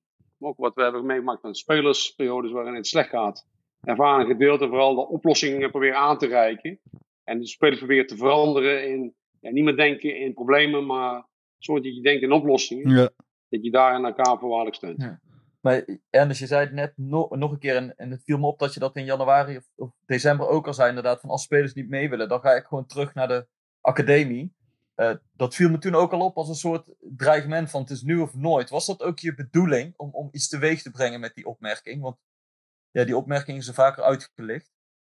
Het was het vooral, geen, vooral geen dreigement, maar gewoon als, als, als, uh, als je wil denken in oplossing, is dat de oplossing. Er is maar één oplossing dat je dat doet. Als er geen oplossing is, ja, dan krijg je weer dezelfde situatie als de trainer ervoor. Eh, Ja, ja. ja, het gaat erom dat ze wel eh, eh, gezond realistisch zijn van de heren. Eh, alarmfase 1 is, is alarmfase 3 al geworden. Ehm, en en je- je- het is niet dat we nog drie dagen hebben. Nee, we hebben nog drie minuten. Ja. Maar En- da- en, dan ben ik ook eh, heel benieuwd. Dan ben ik ook heel benieuwd, inderdaad. Je had nog drie minuten. Alleen die eerste wedstrijden na de winterstop ging het niet veel beter. Met de uitschakeling in de beker en Twente en Ajax. Heb je toen niet gedacht van, ik ga terug naar die academie? Want, want blijkbaar krijg, krijg ik ze niet mee. Of is dat nooit door je hoofd geschoten? Nee, maar ook, ook nog even daarvoor. Hè. Ik heb eh, die uitspraak zo gedaan om te zeggen, nou jongens, eh, ehm, ik, ik ben eh, bereid om uh, onvoorwaardelijk jullie eh, te helpen, eh, zeven dagen de week. Alleen er moet wel van twee kanten komen. Ja. Eh, Ja. Dan kunnen we samen uitkomen. Dus het is altijd basis voor succes. En bij de academie had ik dat voor elkaar en ik heb uitgelegd hoe we dat gedaan hebben met elkaar. En dat, dat mechanisme en het, dat proces wilde ik op gang zetten. Nou, ja, ehm, er was nog heel veel ruis eh, in, in de pers rondom. Daar weet jullie alles van natuurlijk. Er was allerlei, met allerlei moddervarianten gegooid naar elkaar. Ik, ik denk dat, eh, dat het nog lang heeft doorgesudderd. Ook eh, binnen de geleden bij PSV eromheen ook. Ik denk uiteindelijk naar Willem II, eh, waarin openlijk ook door iedereen een punt onder gezet is. Mhm. Ja, eigenlijk de definitieve rust die je ook nodig hebt om te kunnen presteren, terug is gekeerd. Om, om zeg maar, daarna weer goede resultaten te halen. Maar heb jij in al die weken niet gedacht van, waar ben ik aan begonnen? Of, of, of moet ik dit wel, wel willen? Of moet ik dit wel voortzetten? Nee, want ik- uiteindelijk heb ik een bewuste keuze gemaakt. Ja, de club heeft me nodig. Eh, dat is ook de functie van eh, zeg maar de hoofdopleidingen. Eh, zeker als je daar ook papier voor hebt. Maar ik zag het wel als een project van: oké, dit, maak ik af. Zodat we daar goed uitkomen. En dan is het aan de volgende opvolger om daarop verder te borduren. Het ging mij vooral de manier van, van denken. En we waren bezig bij de academie om een cultuur op te bouwen. Van hoe je op een bepaalde manier leert denken.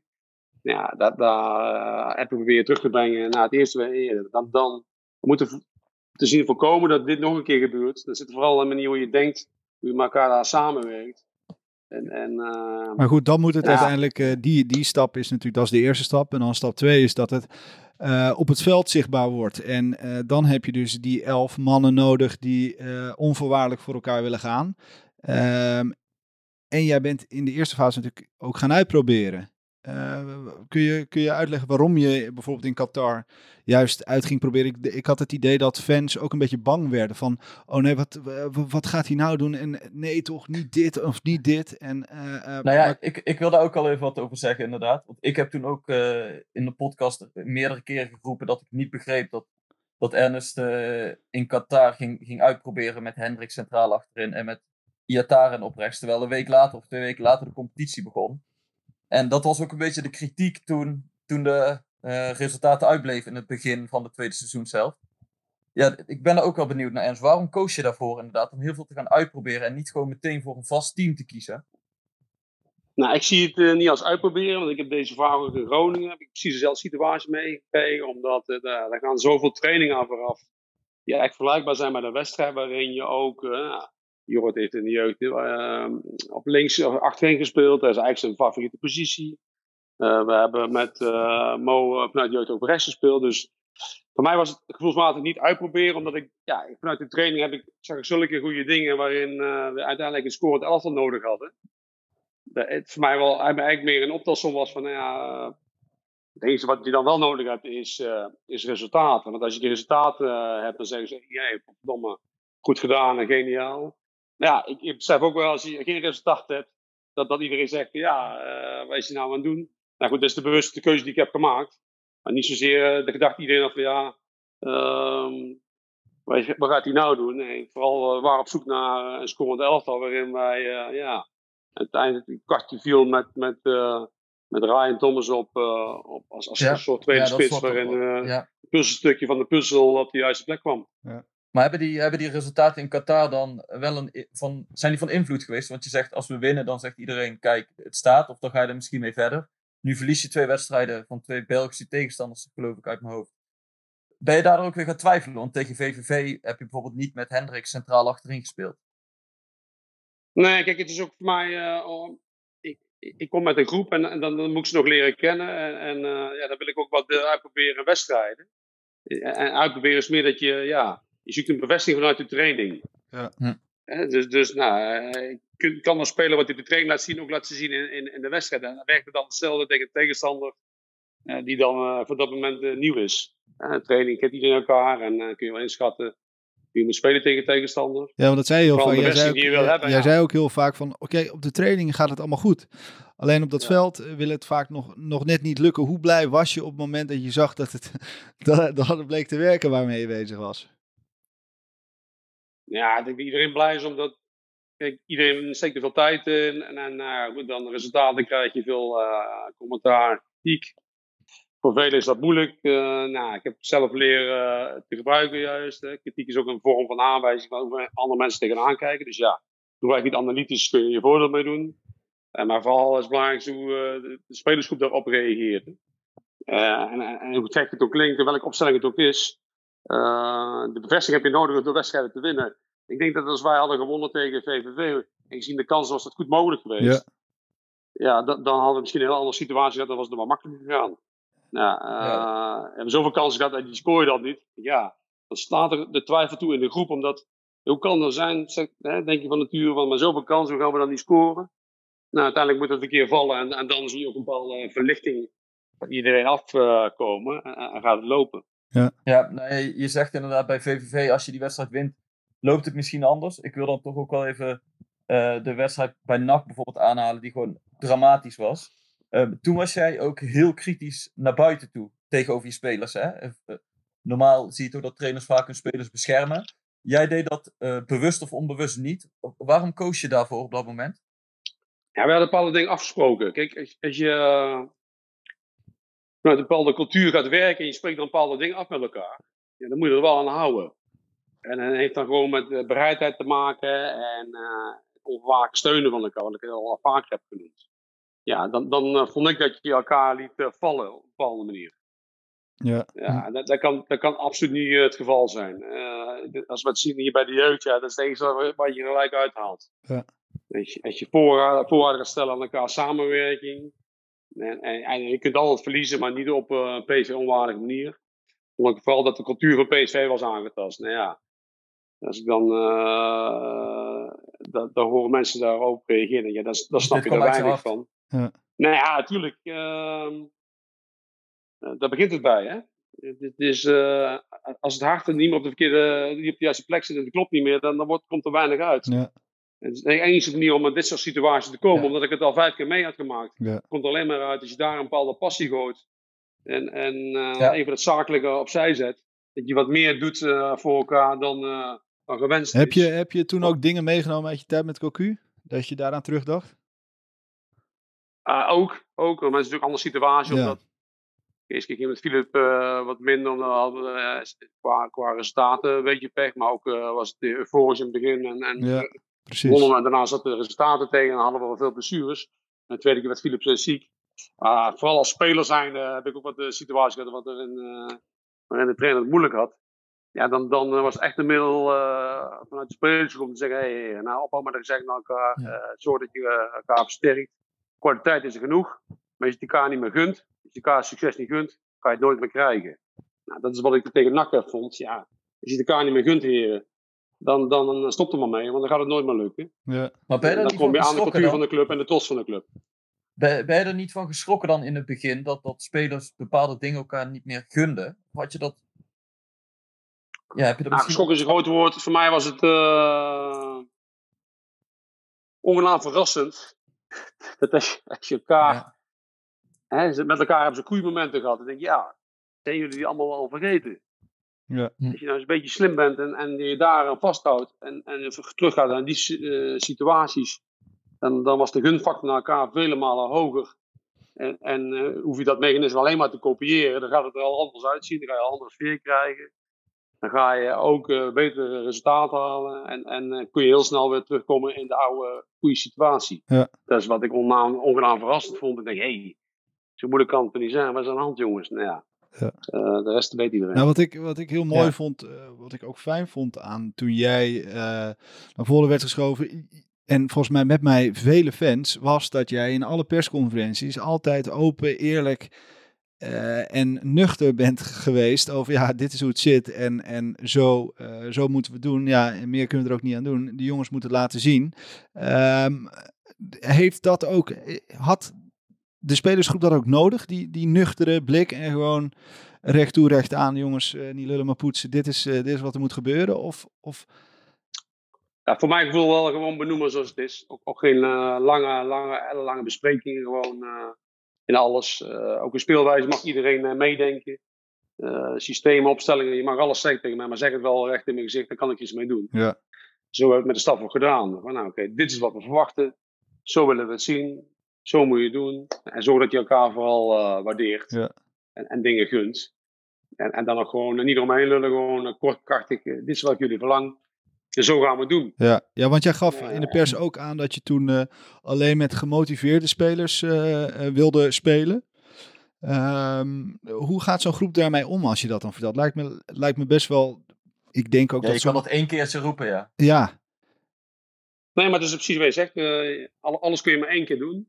En dat is vooral consequent zijn.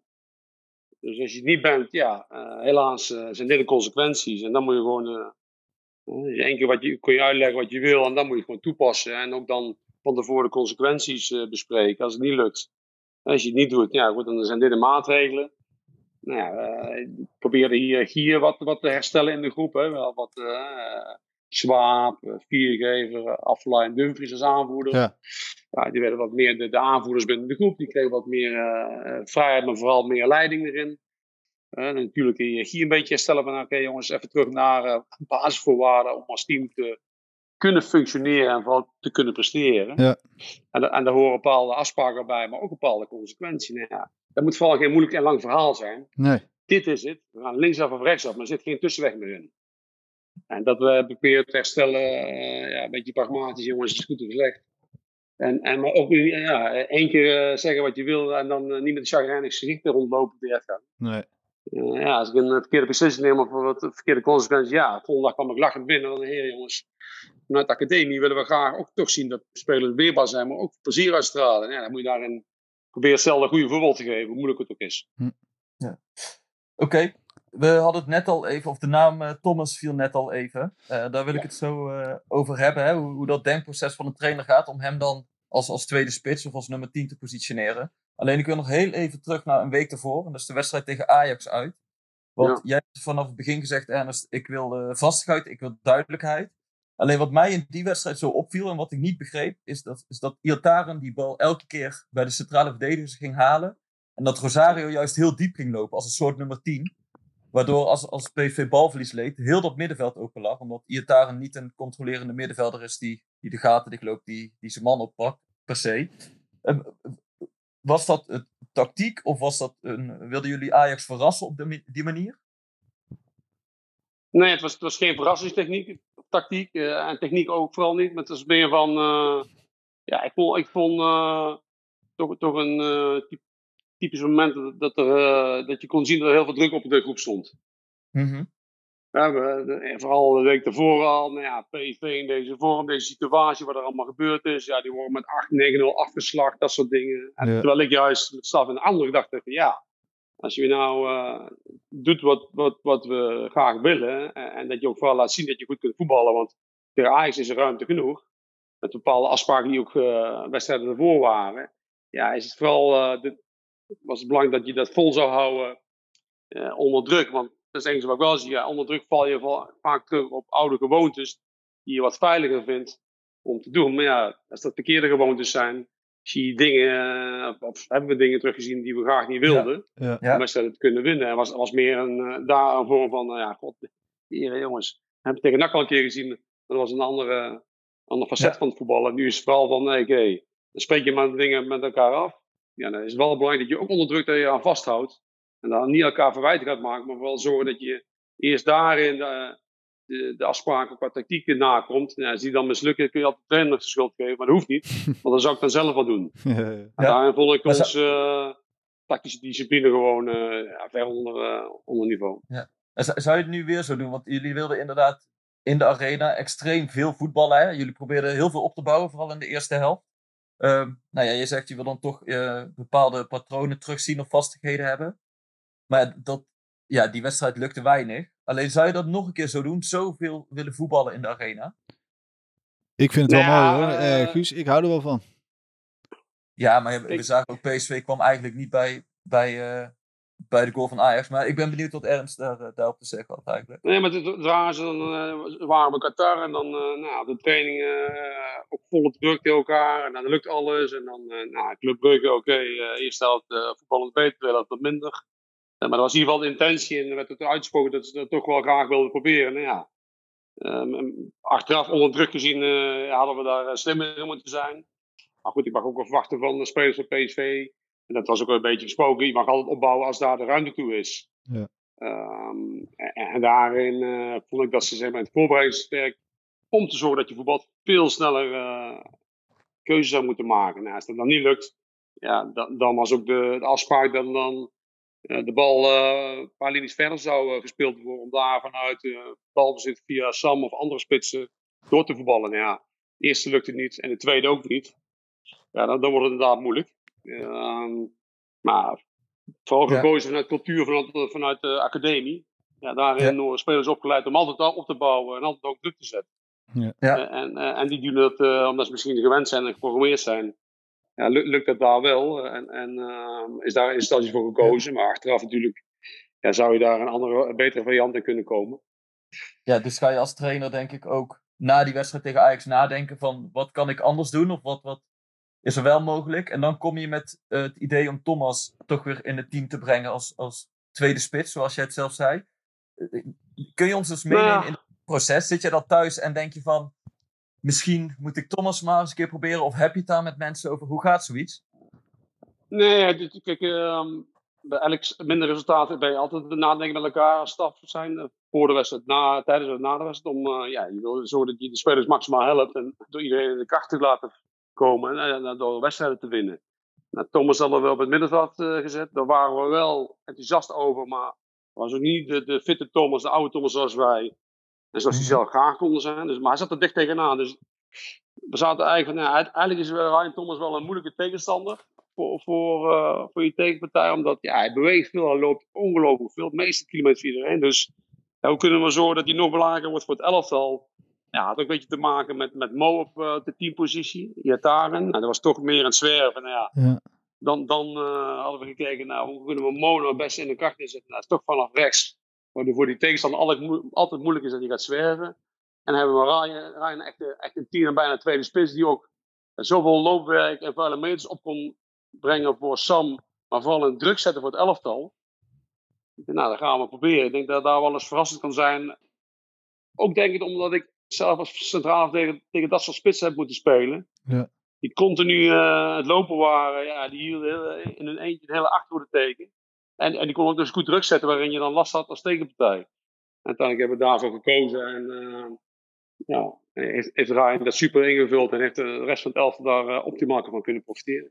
Ja, nee, dat heeft zeker goed uitgepakt. En, en achteraf eh, verdien je daar ook het compliment voor. Al moet ik ook eerlijk zeggen dat ik op dat moment dacht, toen ik je voor de wedstrijd tegen Willem II hoorde en toen je de 4-4-2 uitlegde, dat ik dacht, oeh, eh PSV heeft ju- juist eh, behoefte aan zekerheid en vastigheid. En nu gaat weer iets heel anders eh, gebeuren. Heb je daar zelf ook nagedacht? Van stel, dit lukt niet, weet je dan, wat dan nog? Eh, het is toch een risicootje dat je nam, of, of zie je dat zelf niet zo?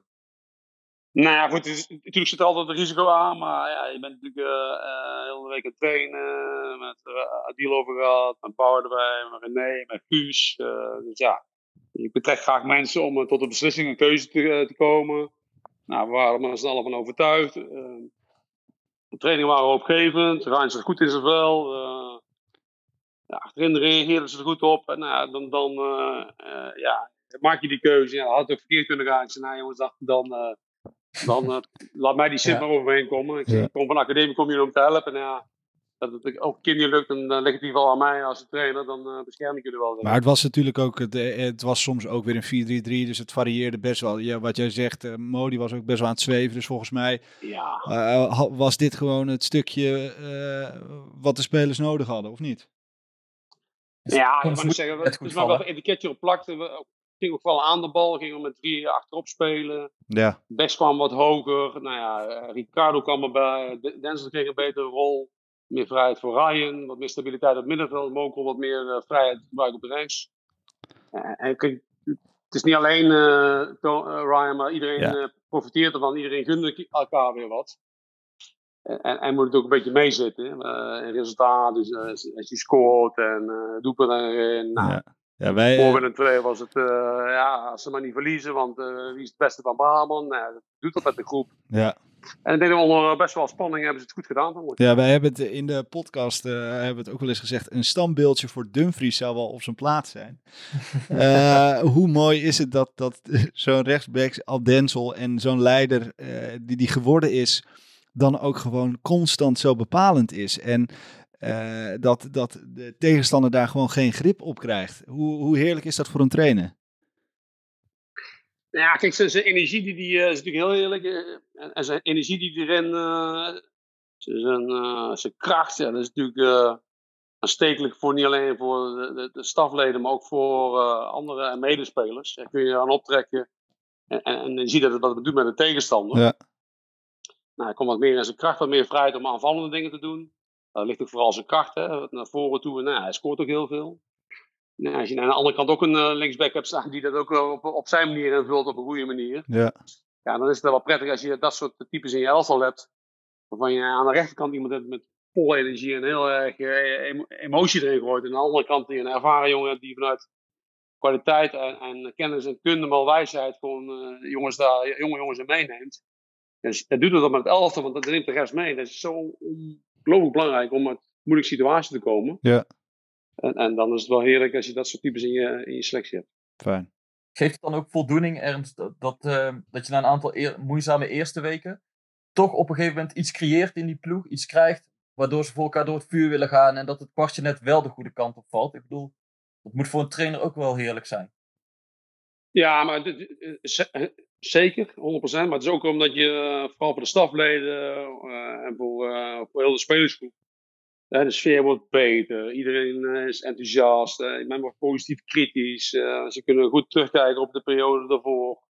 Eh, gaan wat meer denken in oplossingen. Zijn wat meer analytisch aan denken.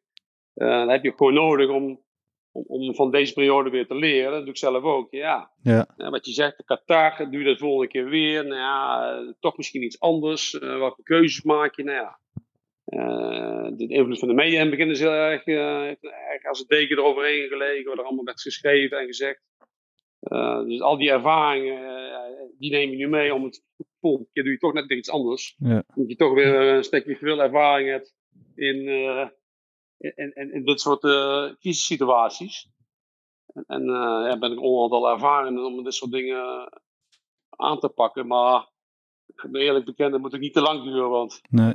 ik, ik, ik kan wel zeggen, ik slaap eh, nog steeds goed. Maar de omgeving om je heen verandert. En daar worden nachtjes toch stiekem eh, steeds korter. Ja, ja, precies. De, de- denk je, je hebt natuurlijk nu in die coronatijd dan, oh, pardon, eh, in de coronatijd eh, veel na kunnen denken ook. Hoe zou het zijn voor jou als het zou betekenen dat je jouw laatste wedstrijd bij PSV 1 alweer langs de lijn hebt gestaan? Ja, wat is vandaag nog over is toch wel apart. Omdat ik formeel gezien op mijn contract of, of opdracht tot, tot, tot 15 mei loopt die af. Ja, Dan zou ik formeel zou ik, eh, ja, eh, terug naar de academie eh, gaan. Nou ik doe nu op beide gebieden wil ik ondersteunen en vooral helpen. En, en samen aansturen. Ja, dat is wel heel apart, omdat ja, nu heb je vooral contact met spelers op afstand, met stafleden op afstand. Dus sommigen komen af en toe hierin om wat, wat dingen na te laten kijken.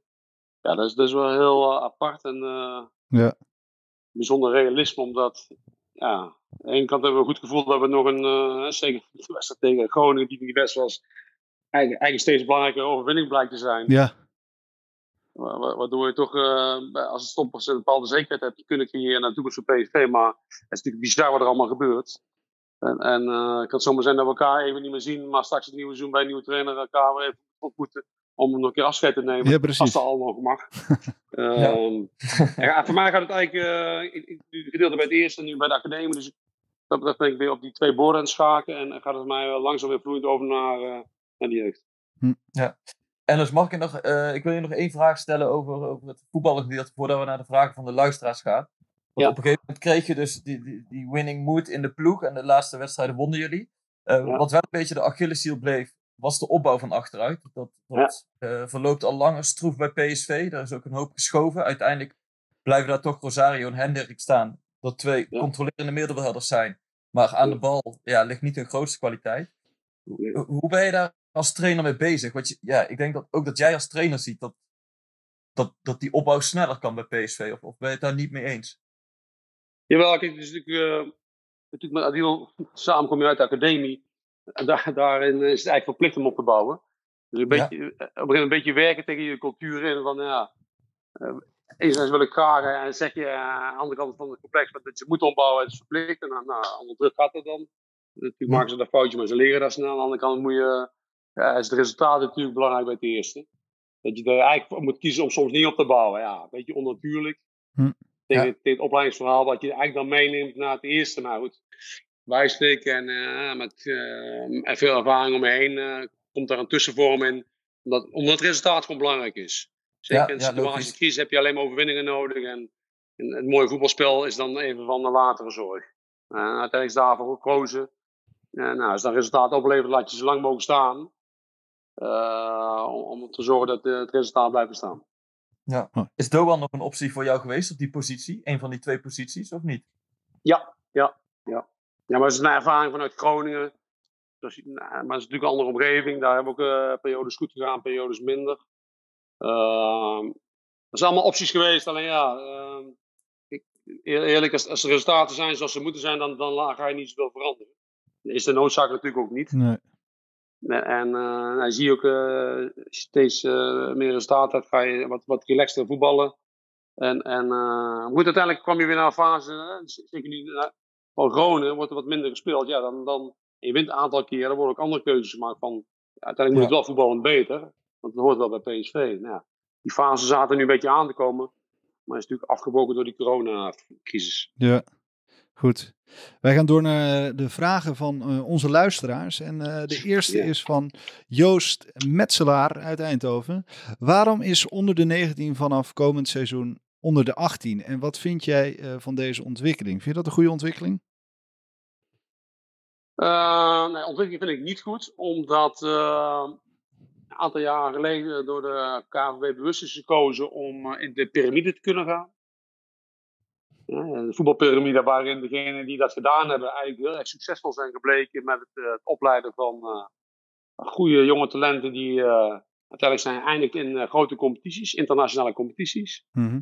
Ehm, nou ja, eh, omdat er ook eh, heel veel clubs eh, toen niet de keuze hebben gemaakt, ja, is, is daar nu de oplossing voor gevonden om de reservecompetitie die toen aanwezig was, om die een nieuw leven in te blazen, een tussencompetitie te organiseren, die eigenlijk een, ja, een, soort bezuinigingscompetitie moet zijn, omdat je dan onder belofte elftal samen kunt voeren met onder 19 tot één elftal. Ja. En dat je dan daarna de keuze hebt om om 18 te, te, te, te beginnen en dan nog andere elftal zou kunnen beginnen, maar dat geen noodzaak is. Nou ja, ik denk dat eh, je een be- be- bestaand systeem hebt Ja. waarin de geleidelijkheid ongelooflijk goed is voor eh, alle toptalenten, voor alle topclubs op door te laten groeien, die uiteindelijk ook bepalen wat het niveau van eh, Nederland inter- internationaal gaat zijn. Dat je daarin dan gaat snijden en gaat veranderen. Ja, dat, dat vind ik wel zeer onlogisch. Ja. Ehm, nou ja, dat hebben ze ook besproken eh, rondom eh, eh, de topclubs en, en zeg maar de KNVB. Uiteindelijk hebben ze toch die keuze gemaakt om, ja, zij zien dat er ook nog heel veel andere talenten bij andere kleinere clubs ja, iets, iets meer en nog een kleiner stapje nodig hebben om, eh, om dan betaald voetbal te halen. Nou ja, mijn ervaring is dat, kijk naar mijn eigen zoon die bij FC Eindhoven speelt, ja, die is, die is 20. Ja, die zit al bij het eerste, dus die hebben die onder 21 al niet Nee. nodig. Alle, alle goede elftallen van eh, de eerste divisie zijn eh, onder 21. Ja, dan had het gewoon de structuur gelaten wat eigenlijk meest ideaal is. Nou ja, nu ga je een tussenvorm kiezen. Waarin eh, de beste vijf opleidingen van Nederland eigenlijk niet achter staan. Ja, dan, dan snap ik het even niet. Nee. Maar wil dat ook zeggen, Ernst, dat jullie er nog voor gaan liggen? Of dat jullie nog een klacht indienen? Of dat, dat je eigenlijk liever niet wil meedoen? Hoe, Ja, ze gaan niet meedoen. Nee, maar dat, die fase is al geweest. Dat hebben we al lang gedaan. We hebben ook uitgelegd waarom wij... we zijn, eh, iedereen, eh, dat is, dat is mij eh, wat ik zeg. Iedereen heeft bewust de keuze gehad om toen in de piramide te gaan doen, ja, dat hadden ze toen wel moeten doen. Oké. Eh, En wij hebben resultaten, hebben we ook in geïnvesteerd met z'n allen. Ja, en dan, dan ga je naar een, eh, een tussencompetitie die eigenlijk een mix moet zijn van onder 19 en de reservecompetitie die eigenlijk een beetje eh, ja, tussen wal en schip is gevallen. Ja.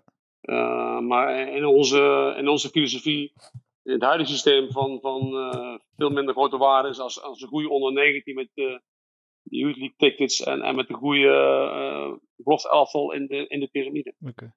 Ja. Dan gaan we verder naar een vraag van Martijn van Voorbergen. Die stelt eigenlijk vier vragen in één, maar ik zal er één uitpakken. Eh, hoe vind je het gaan als trainer van het eerste? Waar ben je het meeste trots op? En wat is je grootste dieptepunt?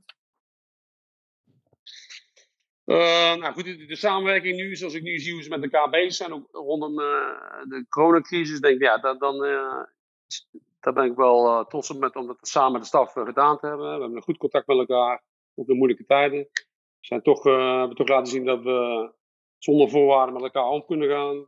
Dat, alle dingen zijn uitgesproken en dat we kunnen, hebben kunnen functioneren als team. En misschien het mooiste was misschien Groningen maar ja, het zat, zat, zat niet mee, was niet best. Dat we wel iedereen, uh, ook mensen eromheen, ja, iedereen uh, elkaar gesteund heeft om een goed resultaat te halen. Ja. Uh, nou, NAC uit was, was wel een grote teleurstelling. Ja. Ja. ja, dat is, dat is precies het tegenovergestelde wat we niet wilden hebben. Ja, een prijs die we konden winnen. En dan, dan vond ik daarin de ambitie van iedereen die dus niet hard willen werken. Maar die twee, twee werelden zijn heel erg groot in, in verschil. Ja, dat deed wel pijn, ja. Ja, ik had ook echt niet verwacht dat we daar zouden verliezen. ik, uh, ik, ik zat ook in het uitvak toen. Nee. Aha, maar goed, wij gaan... Uh, uh, dat is geweest, voorbij. Laten wij kijken wat Branco ja. Sandy voor jou te vragen heeft. Welke ervaring heb je opgedaan die je zonder hoofdtrainerschap niet zou ervaren?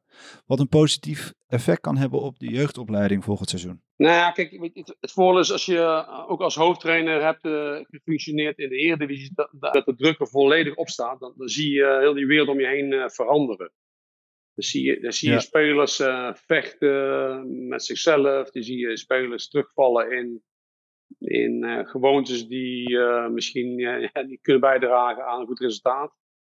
nou, als, als, je, als je dat hebt ervaren als trainer zijn, dan, dan die druk voel je zelf ook. De omgeving verandert gewoon om je heen. En, en je kun je zeggen dat het niet zo is, maar het is gewoon zo omdat als je het niet doet, hè, we kunnen wel zeggen intern het is allemaal rustig, is ook wel zo. Maar jullie vinden er wat van, de pers vindt er wat van, familie vindt er, iedereen vindt er wat van, maar ja, je kunt niet alle informatie delen die je hebt, waardoor wij een andere mening hebben. Nou, zie je door, dat, door de druk heel veel dingen vloeibaar worden. Nou, als je die ervaring hebt, is wat ik hier probeer mee te nemen naar, uh, naar de, naar, de, opleiding. Dat ik vooral uh, probeer te zeggen van jongens, we gaan naar een ja, bepaalde manier van, van presteren. Waar, een bepaald prestatiemodel waarin ja, natuurlijk iedereen wel een droom heeft. maar het gaat altijd om een bepaalde missie, visie.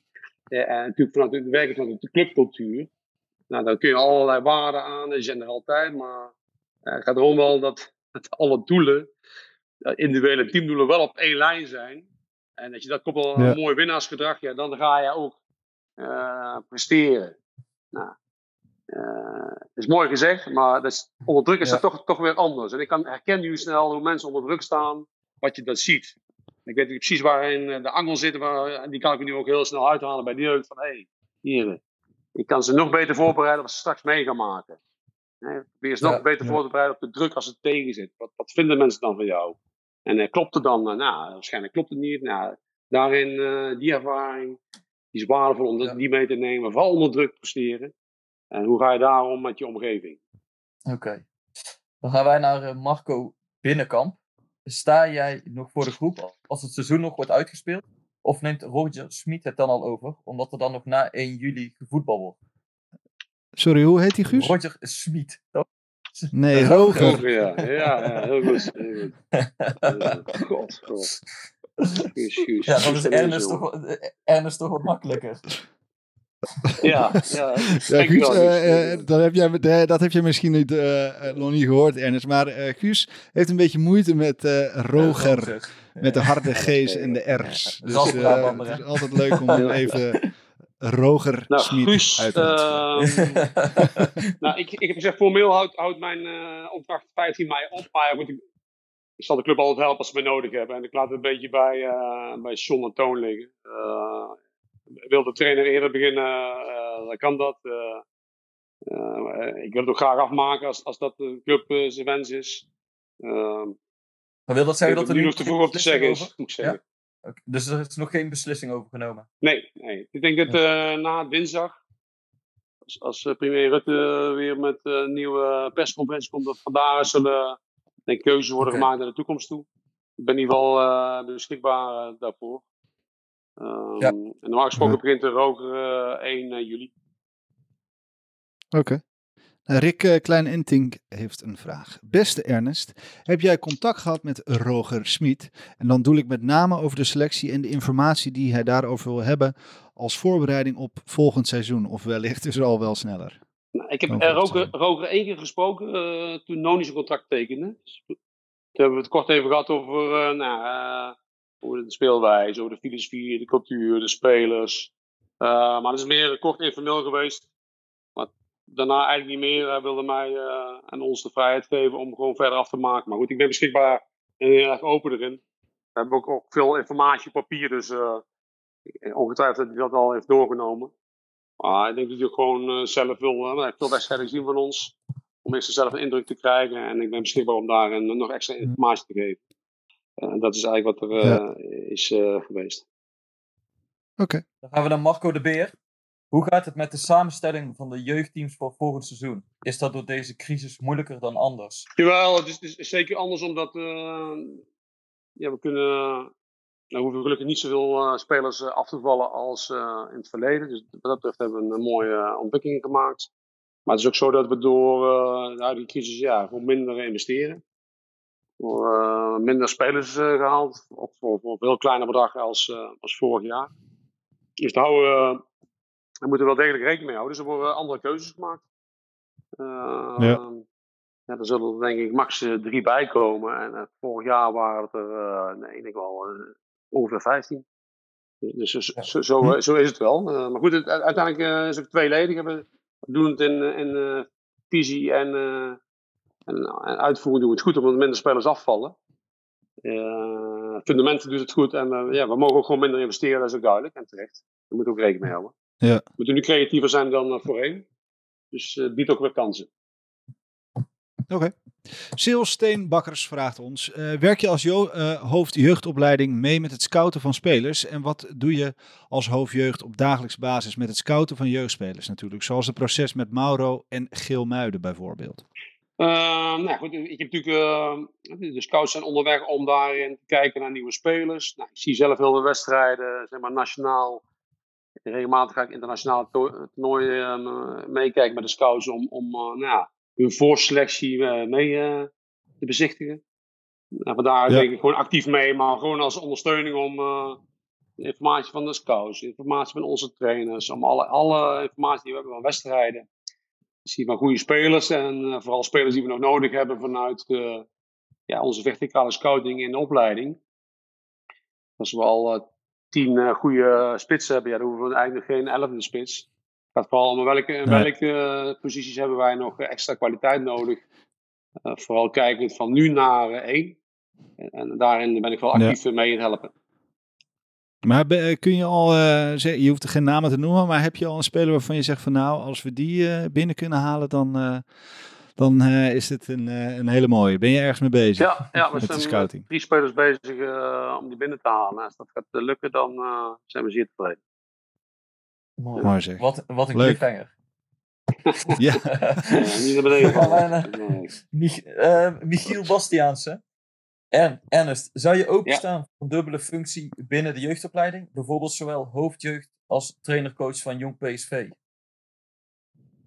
Oh jawel, ik sta zeker open voor dubbele functie, maar of, of dat met uh, coach van Jong PSV, ja, acht ik niet uh, wenselijk.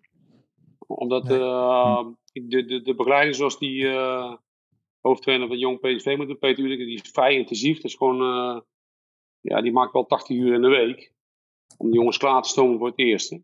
Nou, dat, dat, zou, dat zou wel gedeelte kunnen doen als daarin ja, de taken die ik dan nog erbij heb eh, onderling verdeeld worden. Eh, formeel kan het altijd, maar ik ambieer meer eh dubbelfunctie in. eh nou ja, goed, we doen heel veel manage managementtaken. Ehm, eh, Maar niet als eh, hoofdtrainer van jonge PSV. Heb ik, heb ik-. Nou, we, we hadden nog veel meer vragen, maar die vragen hebben we inmiddels eigenlijk gaandeweg de podcast allemaal al behandeld. Dus eh, alle luisteraars, dank voor het insturen van die vragen. Dat is ook input geweest voor, eh, voor het draaiboek uiteraard. Ja, eh, we zijn aan het einde gekomen, Ernest. Wat, wat vond je ervan? Nou ja, zeer leuk. Mijn eerste podcast. Ik, ik hoop niet mijn laatste. Dus dank, dankjewel voor je uitnodiging. Nou, jij bent in ieder geval eh, altijd welkom bij ons. Eh, kijk, Rick is al onze eh, enige en beste vriend van de show. Wellicht dat jij Nou, eh, hou dan maar zo. Hou dan maar zo. bij dat vriendenclubje wilt aansluiten. Nou, het is iets langer geworden dan een uur, maar eh, het was leuk. Het was interessant. Graag gedaan, jongens. Graag gedaan. Ja, hartelijk dank Ernest. Ja, wij zijn aan het einde gekomen van de PCV-podcast. Nogmaals, Ernest, leuk dat je er was. En eh, iedereen bedankt voor het luisteren. Hopelijk tot de volgende. Houdoe en bedankt.